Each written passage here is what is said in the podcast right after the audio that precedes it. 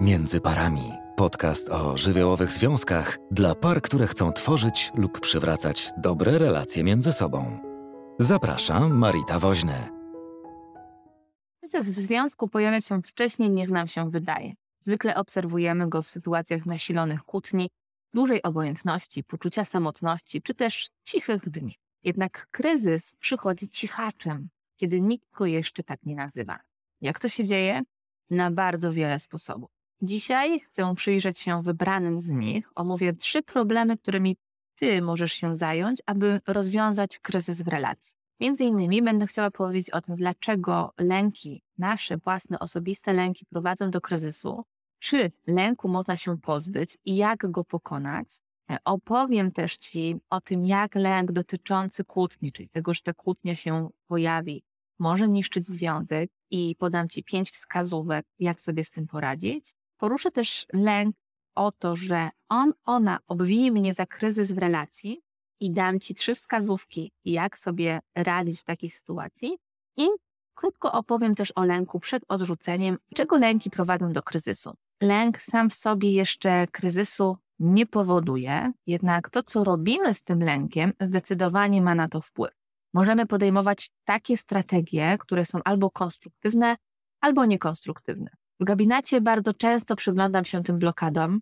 Ludzie intuicyjnie wiedzą, że to, do czego ich lęk popycha, nie służy im, jednak nie wiedzą, co z tym zrobić. Dlatego w tym podcaście chciałabym omówić te trzy lęki, które mogą blokować Twój rozwój, jak i rozwój Twojej relacji. No więc zacznijmy od tego, czy lęku można się pozbyć, bo przecież każdy z nas przeżywa jakiś lęk, obawia się czegoś, obawia się zrobić coś, co wcześniej, e, czego wcześniej nie robiliśmy. Kiedy pojawia się nowa sytuacja, wpadamy oczywiście w stare schematy, blokujemy się przed podjęciem nowych działań. I wiem, że mało chętnie zajmujemy się problemem, który jest w nas, jednak jeśli odkryjemy, który z nich dotyczy nas i rzetelnie się nim zajmiemy, nie tylko ta relacja, w której teraz jesteśmy, ma szansę się zmienić, ale też wszystkie pozostałe. Dlaczego? Dlatego, że nie jest tak, że związek jest jakąś zupełnie inną, odrębną, oderwaną od rzeczywistości planetą. W związku widać i czuć więcej, no bo jesteśmy ze sobą po prostu bardzo blisko, ale zachowania i schematy przyjmujemy bardzo podobne we wszystkich relacjach. Lęku nie można się pozbyć całkowicie. Lęk jest emocją, która jest bardzo potrzebna i niesie dla nas bardzo ważną informację, na przykład o zagrożeniu. Dlatego nie ma szansy pozbyć się całkowicie tego uczucia, bo po prostu ono jest uczuciem i żadnego z naszych uczuć, naszych emocji nie możemy się wyzbyć. Nie ma więc możliwości przestać czuć lęku. Więc warto przestać robić różne rzeczy, które miałyby pozbawić nas całkowitego czucia tej emocji. Mamy jednak wpływ na to, jak sobie z tym lękiem poradzimy. I taki protip dla Ciebie, przestań szukać sposobów, aby nie czuć lęku. Wiem, jak paradoksalnie to brzmi, ale właściwie potrzeba tutaj zrobić coś zupełnie odwrotnego, czyli zaakceptuj to, że ten lęk jest. Wiem, brzmi to w bardzo szalony sposób. W końcu robimy wszystko, żeby tego nie czuć, a ja tutaj mówię, żeby zaakceptować to i uznać. No więc dokładnie tak. Dokładnie kiedy zaakceptujemy, że on jest, dopiero wtedy możemy zacząć szukać sposobów, jak czerpać z niego, jak czerpać z niego to, co najlepsze i jak mu mówić dość, jak go zatrzymywać. No więc, kiedy już to byśmy potrafili, to zastanówmy się nad tym, e, jak pokonać ten lęk. I tutaj e, chciałabym zacząć od takiego jednego z trzech lęków, które prowadzą do kryzysu w związku. I to jest lęk o to, że pokłócimy się ze sobą. Kiedy mamy w sobie lęk o to, że pokłócimy się z drugą osobą, ważną dla nas osobą, e, to sprawia, że zaczynamy się blokować. Przestajemy mówić o tym, co nas boli, gromadzimy w sobie żal, próbujemy wytrzymać napięcie, które się i tak odkłada i kumuluje, i prędzej czy później zapłacimy albo swoim zdrowiem, albo niekontrolowanym wybuchem.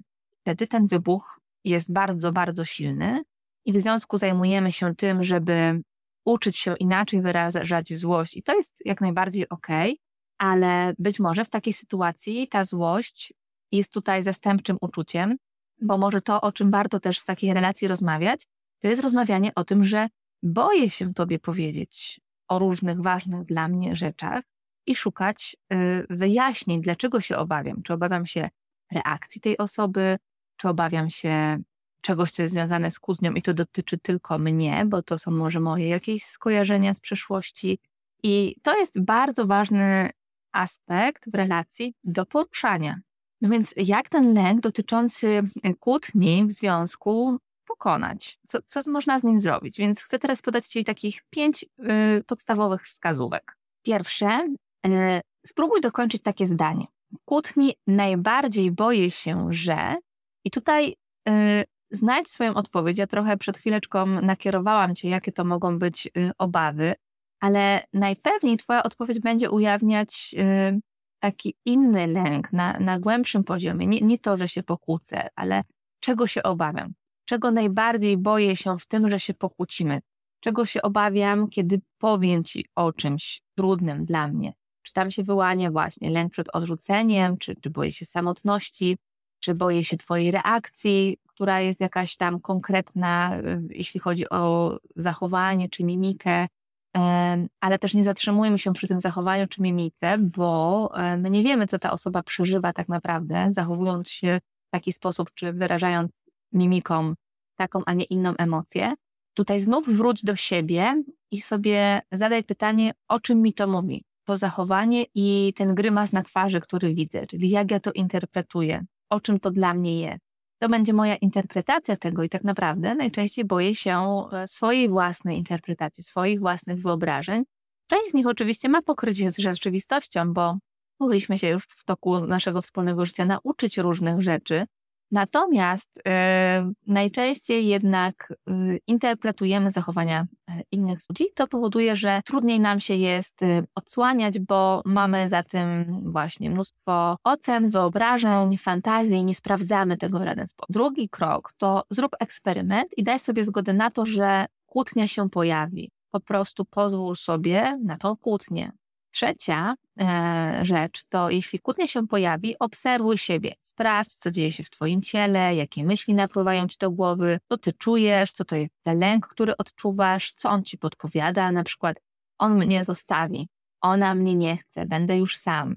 I w czwartym kroku obserwuj, do jakich działań popycha Cię lęk. Może przestajesz mówić, a może zaczynasz kontrolować, sprawdzać, przepytywać, stawać się nachalnym nachalną, ograniczasz drugą osobę, szantażujesz, stawiasz ultimatum, prowokujesz do reakcji jakiejś konkretnej i te reakcje miałyby cię ukoić, jednak to, do czego lęk cię popycha, sprawia, że odnosisz odwrotny skutek. I właśnie przez to druga osoba jeszcze bardziej może na przykład krzyczeć, kłócić się, oddalać, albo też milczeć. Więc yy, okazuje się, że potwierdzasz swoje błędne przekonania, że ta kłótnia jest straszna, bo powoduje to, i tutaj wpisz to, czego obawiasz się najbardziej z punktu pierwszego, bo powoduje to yy, moje wyobrażenie o tym, dlaczego ktoś reaguje w taki, a bo powoduje to mój lęk o to, że druga osoba właśnie mnie zignoruje, yy, mnie nie chce, mnie odrzuci. Czyli jak widzisz, zapętla nam się tutaj takie koło, i robi się po prostu trudniej, trudniej nam z tego wyjść. No i na końcu, piąty krok, sprawdź, kiedy czujesz się podobnie, w jakiej relacji, jak to było w Twoim domu. Może się okazać, że podczas jakiejś gęstej atmosfery w Twoim związku odzywa się Twoje wewnętrzne dziecko, które jest bardzo przerażone, które może sobie zupełnie nie radzi z emocjami w tej konkretnej sytuacji, bo, bo nie wie po prostu, jak ma się ukoić, jak ma zadbać o swoje emocje, i które powoduje, że przeżywamy tą sytuację ze zdwojoną siłą. Czyli podsumowując, unikamy tej kłótni, ale tak naprawdę albo możemy się jeszcze bardziej dystansować i mieć więcej cichych dni, albo, czyli unikamy tej kłótni i możemy się dystansować, mieć więcej cichych dni, ale też możemy po prostu e, teoretycznie przestać się kłócić i, i pisałam to o tym w artykule Brak kłótni w związku, co to robi dla, dla relacji, ale też z czasem może dochodzić częściej do wybuchu. E, teraz chciałabym przejść do drugiego e, lęku, czyli lęku o to, że on czy ona mnie obwini o cały ten kryzys w relacji. Właściwie jedno z drugim jest bardzo powiązane, bo jeśli my przez y, ileś czasu ze sobą nie rozmawiamy, z lęku o to, że się pokłócimy, to siłą rzeczy gdzieś tam w środku wiemy jakiś kawałek odpowiedzialności, że pewnych rzeczy nie poruszaliśmy, pewne rzeczy gdzieś y, zostały zakopane pod dywan. No i też bardzo bronimy się przed tym, żeby przypadkiem nie zostać o to y, oskarżonym. Szukając rozwiązania i wyjścia z problemu, często w związku robimy to właśnie poprzez szukanie osoby, która jest winna temu. Cała ta sztuka bycia razem polega na tym, że w dojrzałym związku myślimy tak, my kontra nasze trudności, natomiast w pozostałych związkach myślimy ja i twoje trudności. Dlaczego szukamy winy? Szczerze mówiąc, tych powodów jest oczywiście bardzo dużo i nie o nich chcę tutaj wszystkich opowiadać, jednak e, jednym z nich jest to, że często poczucie winy przeżywaliśmy właśnie w dzieciństwie, bo klimat rodziny czy też kultura, w której żyjemy, sprzyja takiej komunikacji. Brakuje takiego nastawienia na wspieranie i rozwiązywanie problemów. Dużo częściej można spodziewać się jednak krytyki i oceny.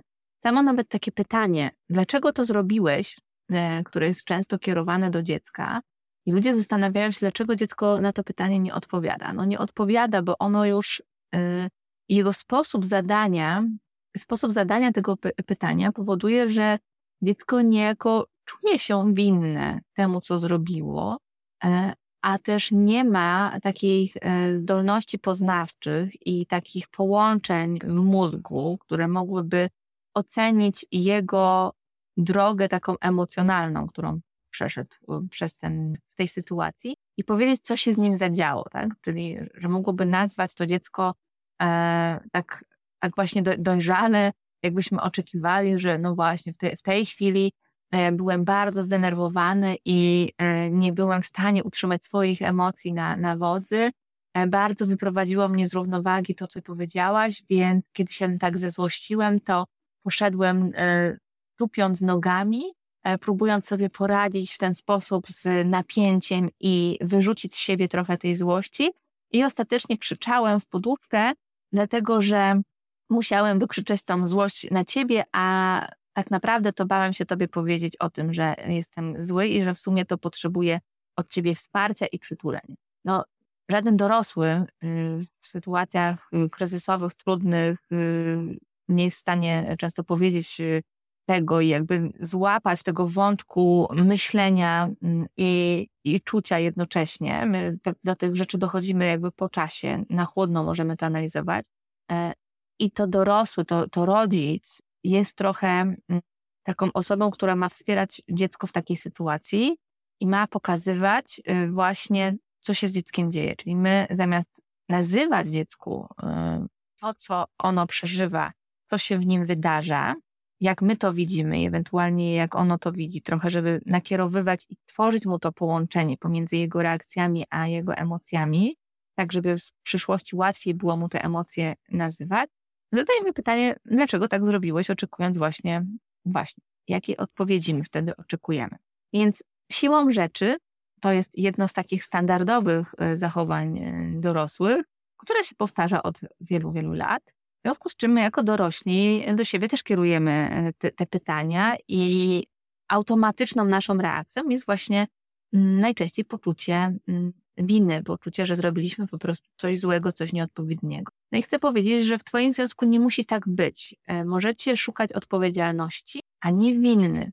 Jak ten lęk o to, że on, ona mnie obwini, e, niszczy związek. Kiedy boisz się, że ktoś cię obwini, możesz zachowywać się właśnie jak winny człowiek. Próbujesz unikać rozmów, przerzucasz się odpowiedzialnością, nie rozmawiasz o tym, co się dzieje z tobą, w tobie. Twoje napięcie się kumuluje, które podobnie jak przy wcześniej opisanym lęku, kumuluje się i znajdzie znów swój upust albo w ciele, albo poprzez jakieś choroby, albo przez, albo przez niekontrolowane wybuchy, czy też ciche dni, i teraz jak sobie poradzić z tym lękiem? To takie trzy wskazówki, z czego pierwsza to e, będzie Ci łatwiej, jeśli ze swoją odpowiedzialnością zmierzysz się przed rozmową z drugą osobą. Co to oznacza? Wymaga to od Ciebie oczywiście uczciwości, no bo musisz sobie zadać pytanie, gdzie ja nawaliłam, czy nawaliłem, co według drugiej osoby zrobiłem, czy zrobiłam, trochę jakby przewidując, co tam może się zadziać,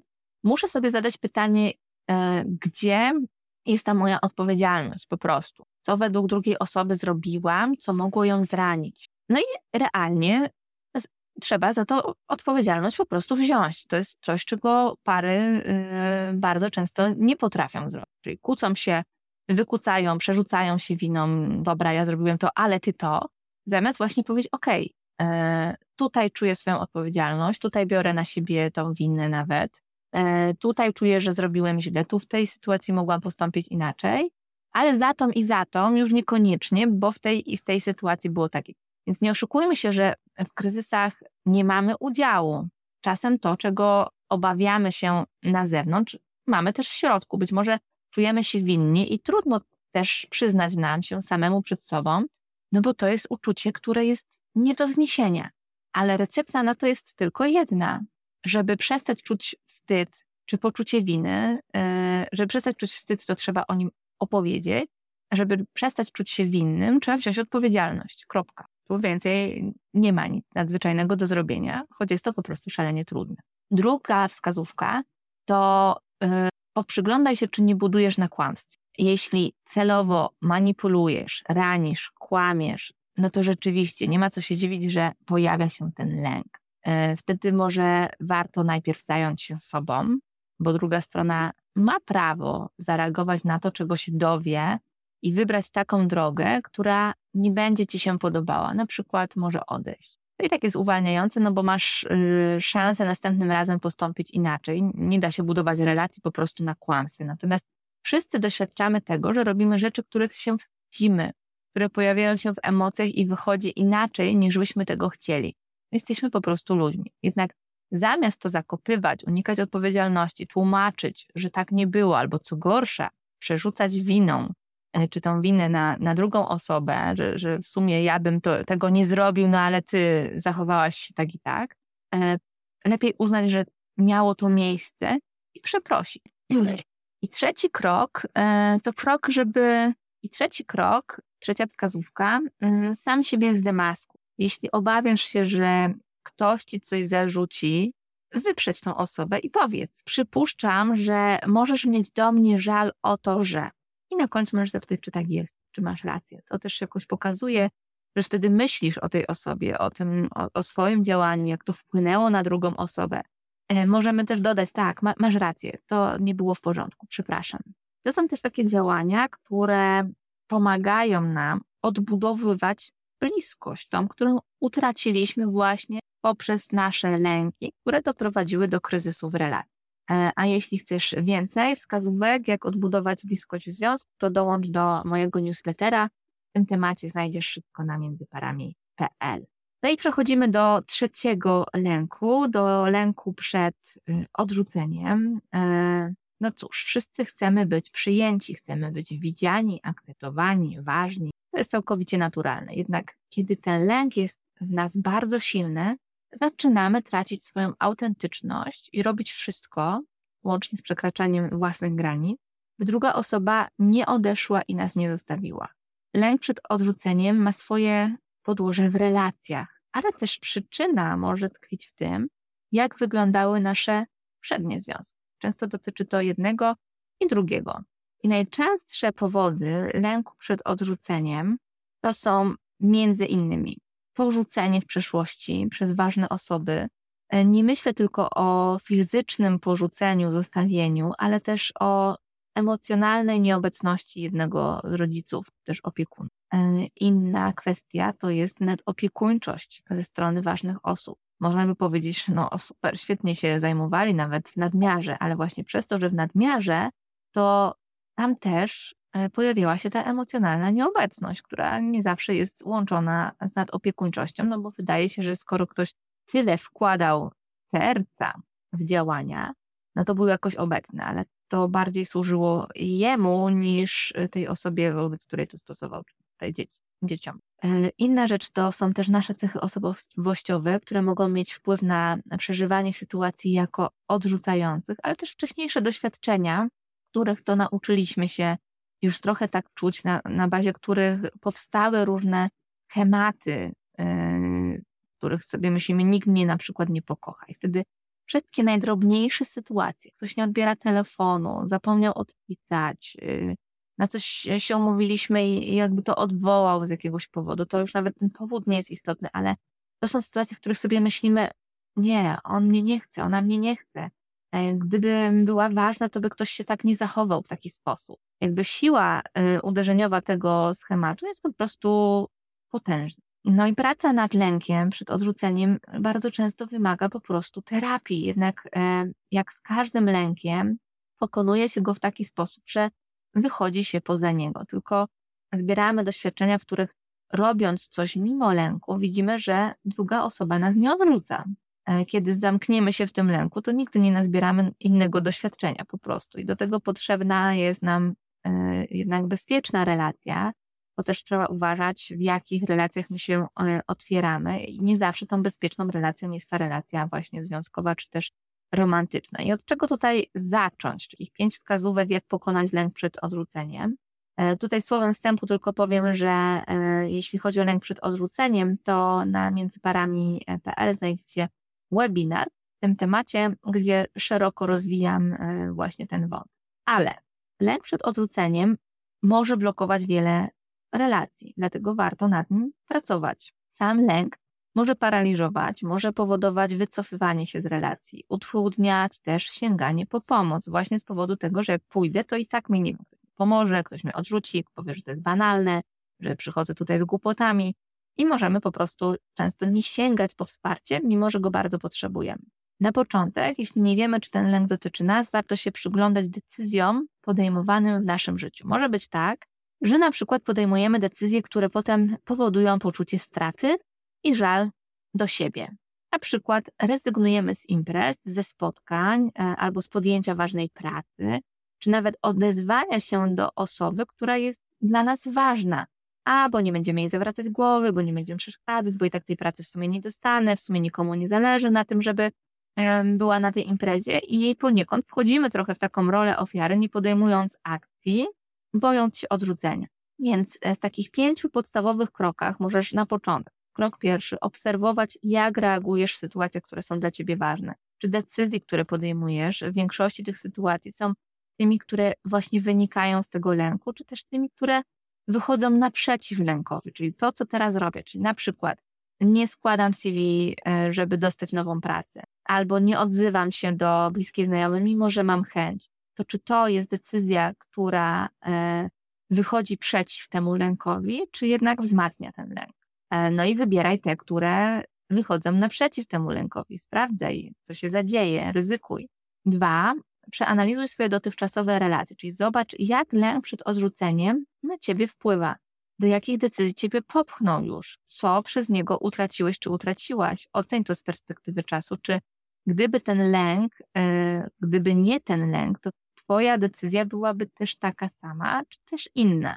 Trzecia rzecz, naucz się zauważać podobne sytuacje w przyszłości. Czyli początkowo tylko po prostu obserwuj i nie oczekuj od siebie nic więcej. Ucz się samoświadomości. I prawdopodobnie pojawią się w tobie takie krytyczne myśli, y, ale wtedy wytwarzaj w sobie głos dojrzałego dorosłego, który będzie walczył z tym krytykiem wewnętrznym. I czwarte, zbieraj pozytywne doświadczenia, czyli kiedy uda ci się już naprzeciw temu lękowi wyjść, lub też po prostu zauważaj wszystkie te momenty, w których zostałeś, zostałaś przyjęta, ktoś cię zauważył, ktoś cię docenił, pokazał, że jesteś ważny, ważna, to pamiętaj, że u ciebie to jest trochę jak wiaderko z dziurami. E, można tam napełniać, napełniać.